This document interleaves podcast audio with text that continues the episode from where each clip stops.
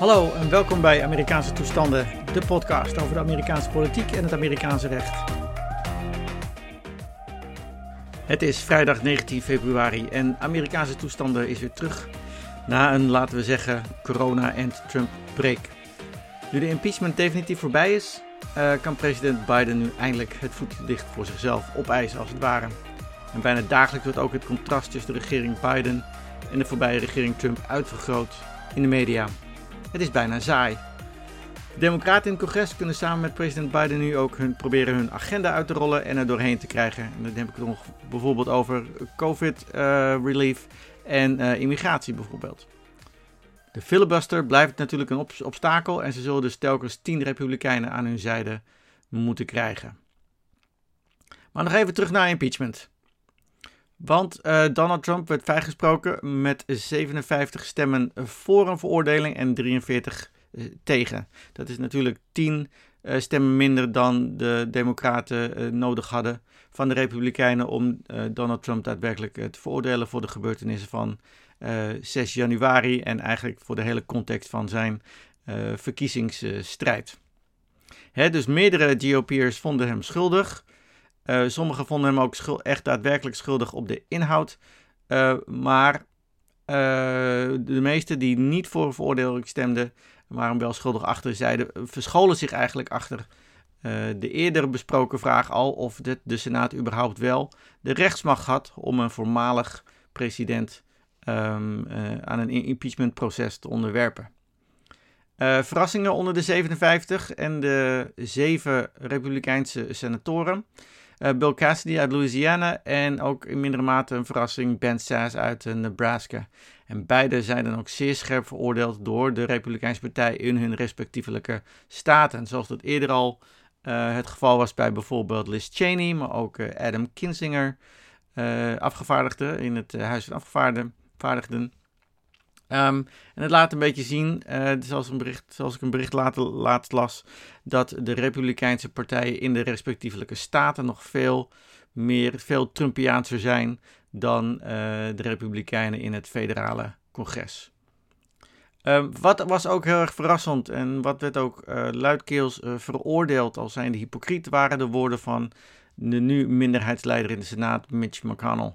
Hij veroordeelde Trump met enorme ferme woorden en wie de eerste deel van zijn speech aanhoorde, zou denken dat hij had gestemd uh, voor een uh, schuldigverklaring, maar dat was niet zo.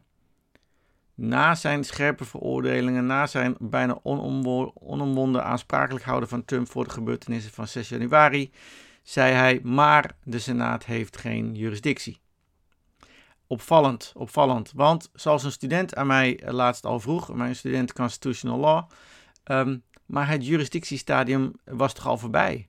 Het jurisdictievraagstuk was toch al beslist.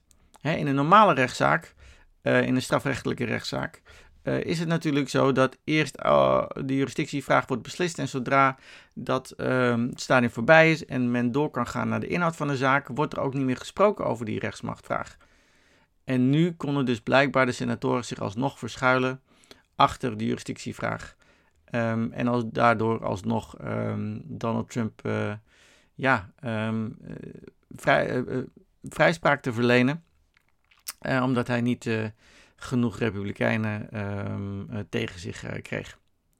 Maar goed, ik denk ook dat met de woorden van Mitch McConnell en het antwoord van Trump op de woorden van Mitch McConnell, die minstens even scherp waren, is de strijd binnen de Republikeinse tijd, denk ik, nu echt openlijk uitgebarsten. We zagen allerlei aanwijzingen er al voor. Ik heb er al vaak over gesproken. En dit is hopelijk, dit is waarschijnlijk ook niet de laatste keer dat we erover zullen spreken op Amerikaanse toestanden. Maar die interne strijd um, is een hele belangrijke. Niet alleen uh, omdat het fascinerend is wat voor strijd het wordt, maar ook omdat een functionerende Republikeinse partij erg belangrijk is voor de Amerikaanse democratie.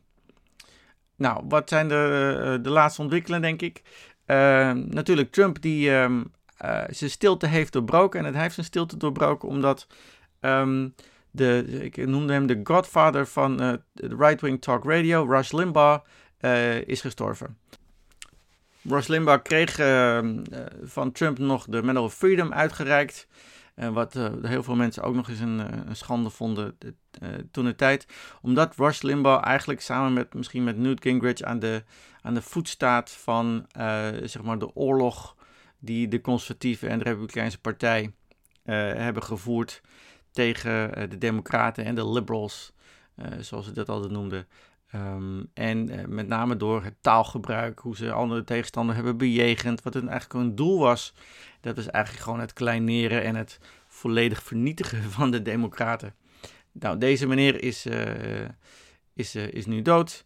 Um, en het is misschien ook wel een symbool voor um, de interne strijd die binnen de GOP, binnen de Republikeinse Partij nu uitbarst.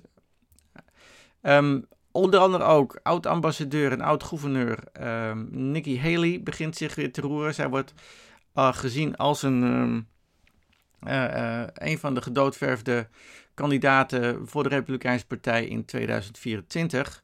Um, ehm, maar ze heeft dus gediend in het kabinet van Donald Trump. Maar ze erkent nu dat het volgen van Trump fout was. En met name komt dat door de gebeurtenissen van 6 januari.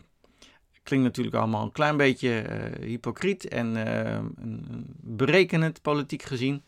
Uh, maar zij zal zich daarmee ook proberen een middenkoers te varen en zich proberen een positie te veroveren. waardoor ze aantrekkelijk wordt voor de voorverkiezingen binnen de Republikeinse Partij in 2024. Nou, zover, zover impeachment en de interne strijd. Um, nu uh, Donald Trump vrij is gesproken in het impeachmentproces, wordt er nog wel gesproken over, en ik heb dat ook al eerder gedaan, over inroepen van het 14e amendement en section uh, eh, 3 daarvan. Het disqualificeren van uh, mensen voor een publiek ambt als zij hebben um, meegedaan aan een, aan een opstand en een functie hebben bekleed waarbij ze een eend hebben moeten afleggen onder de Verenigde Staten. Um, er waren altijd eh, obstakels voor, met name dat het congres niet zogenaamde bills of attainder mag aannemen. Dat zijn uh, eigenlijk wetten die uh, bepaalde mensen specifiek een, een, straf opleggen voor iets wat ze zouden hebben gedaan. Daar is het congres natuurlijk niet voor, daar zijn de rechters voor. Um, dat zou ook het argument zijn om te zeggen van, nou, dus kan ook niet Trump met naam en toenaam, of laten we zeggen senatoren als Ted Cruz en Josh Hawley, die zich ook uh, niet zo mooi vrij hebben opgesteld um, uh, rondom de gebeurtenissen van 6 januari. Um, zij mogen niet met naam en toenaam worden genoemd en uh, worden gedisqualificeerd door het congres zelf. Um, om die controverse enigszins te, te, omzeilen, wordt er misschien ge geopperd. Dat wordt er geopperd, moet ik zeggen, dat het congres wel een niet bindende resolutie zou kunnen aannemen die Trump en mogelijk dus die anderen wel aanwijst als medeverantwoordelijke voor het aanzetten tot het bestormen van het kapitool en een, uh, en een opstand. En vervolgens zouden dan in een aparte rechtszaken zouden dan inderdaad Trump en de zijnen misschien moeten worden gedisqualificeerd. Maar dus niet door het congres, maar door een, door een rechter. En nu staan er sowieso wel al allerlei strafrechtelijke en civielrechtelijke zaken op de rol. In ieder geval onderzoeken zijn er gestart ten aanzien van de gebeurtenis van 6 eh, januari. Zelfs ook tegen, tegen Trump zelf. Trump um, is zelfs, al, zelfs nog uh, onderwerp van uh, strafrechtelijke onderzoek ook in Georgia. Want je kan je nog herinneren, hij heeft daar uh, telefoontjes gepleegd naar Secretary of State um, Ravensburger. En ehm, eigenlijk redelijk onomwonden probeerde hij daar um, zich te mengen in het resultaat van de verkiezingen. En nu kunnen we natuurlijk weer gaan debatteren over wat hij precies allemaal heeft gezegd.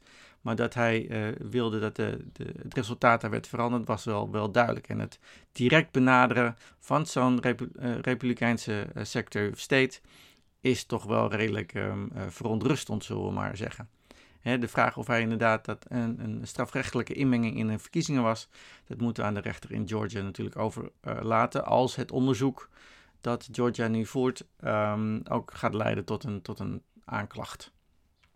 Nou, als we dan even kort even terug uh, weggaan van Trump en van uh, de gebeurtenissen van uh, eh, 6 januari.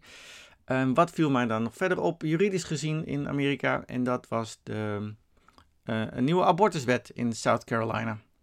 In South Carolina, um, eigenlijk in navolging van Iowa, is er nu een wet aangenomen en die zal ook worden getekend door de South Carolina uh, gouverneur. Dat um, een abortus uh, onrechtmatig is zodra er een hartslag ehm, kan worden gehoord hè, of is vastgesteld. En dat is natuurlijk al, dat kan al na, na zes weken. Nou, dat is natuurlijk, staat in, in, in rechte lijn tegenover het grondwettelijke recht op abortus van de vrouw, het keuzerecht van de vrouw, zoals die sinds 1973 uh, in de zaak Roe versus Wade is vastgesteld. Dus dat gaat onvermijdelijk leiden tot een, um, een, rechtszaak die ze tot op in het Hoge Rechtshof uh, gevoerd zal worden. En nou ja, uh, dat is natuurlijk de angst voor heel veel organisaties en mensen. En dus um, met een, een conservatief hof, 6 tegen 3, zes conservatieven tegen drie meer progressieve rechters in het Hoge Rechtshof, kan het dus nog wel een penibele situatie worden voor de uh, pro-choice kant van deze, van deze zaak. Wat mij eigenlijk ook nog opviel, en het kwam een beetje tussen neus en lippen door, was een rechtszaak tussen PEN America, het is een, een, een organisatie van schrijvers in brede zin, tegen Trump. Die is inmiddels gezetteld, um, geschikt moet ik zeggen, door de regering Biden. Uh, want ging deze staat, uh, zaak ging over eigenlijk Trumps oorlog tegen de pers, de bewoordingen die hij gebruikte om die, de pers te bejegenen en eigenlijk de, dreigementen die hij um, had geuit richting de pers. Nou, die waren in een eerdere zaak um, in een, een federale district court in het voordeel van Pan America beslist. Ja, dus daar werden, werd al de, de woorden van Trump en de manier waarop hij zich opstelt tegen de pers al uh, veroordeeld. En het hoge beroep wordt nu, um, wordt nu eh, afgezegd, als het ware. Want ze hebben de zaak geschikt. Ze hebben de regering Biden en deze organisatie Pan America hebben de zaak nu geschikt. Nou, volgende keer hoop ik waarschijnlijk wel verder te gaan met de interne strijd tegen de GOP. Maar waarschijnlijk uh, gaan we proberen te verder meer ook juridische dingen uh, te volgen, want er worden komende week alweer hoorzittingen gehouden, bijvoorbeeld in een zaak tussen uh, Lang en Californië. En dat gaat over de, de, het vierde amendement en de zogenaamde unreasonable search and seizure regel en probable cause regel um, bij politieonderzoeken. Tot zover. Heb je wat gehad aan deze aflevering van Amerikaanse toestanden? Laat dan een review achter op iTunes, zodat ook anderen de podcast snel kunnen vinden. Wil je het Amerikaanse circus blijven volgen, maar misschien niet 24/7? Abonneer je dan op deze podcast via iTunes, Spotify of waar je dan ook luistert, of schrijf je in voor de nieuwsbrief via Amerikaanse-toestanden.nl. Mocht je naast het abonneren al deze content verder willen steunen, aanmoedigen, dan kan je zelfs een donatie doen, ook via Amerikaanse-toestanden.nl. Nogmaals dank voor het luisteren en tot de volgende aflevering van Amerikaanse toestanden.